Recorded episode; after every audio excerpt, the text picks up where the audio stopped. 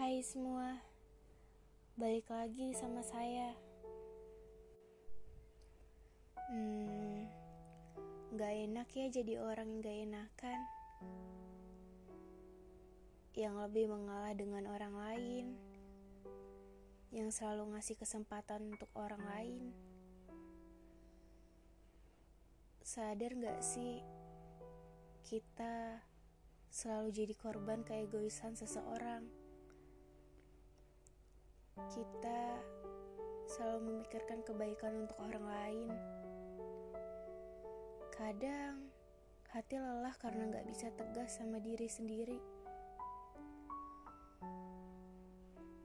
Buat bilang enggak, rasanya gak sanggup. Kita kekurangan waktu untuk diri sendiri demi menyenangkan orang lain, demi mendahului kepentingan orang lain, dan demi kenyamanan orang lain.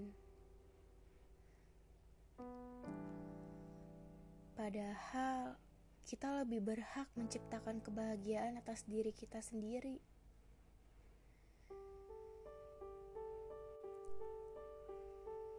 Kita cuma takut, takut opini seseorang, takut dijadikan gunjingan.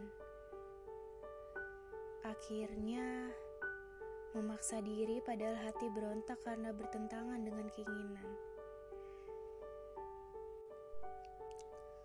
To be honest, she can make it more simple but she just not.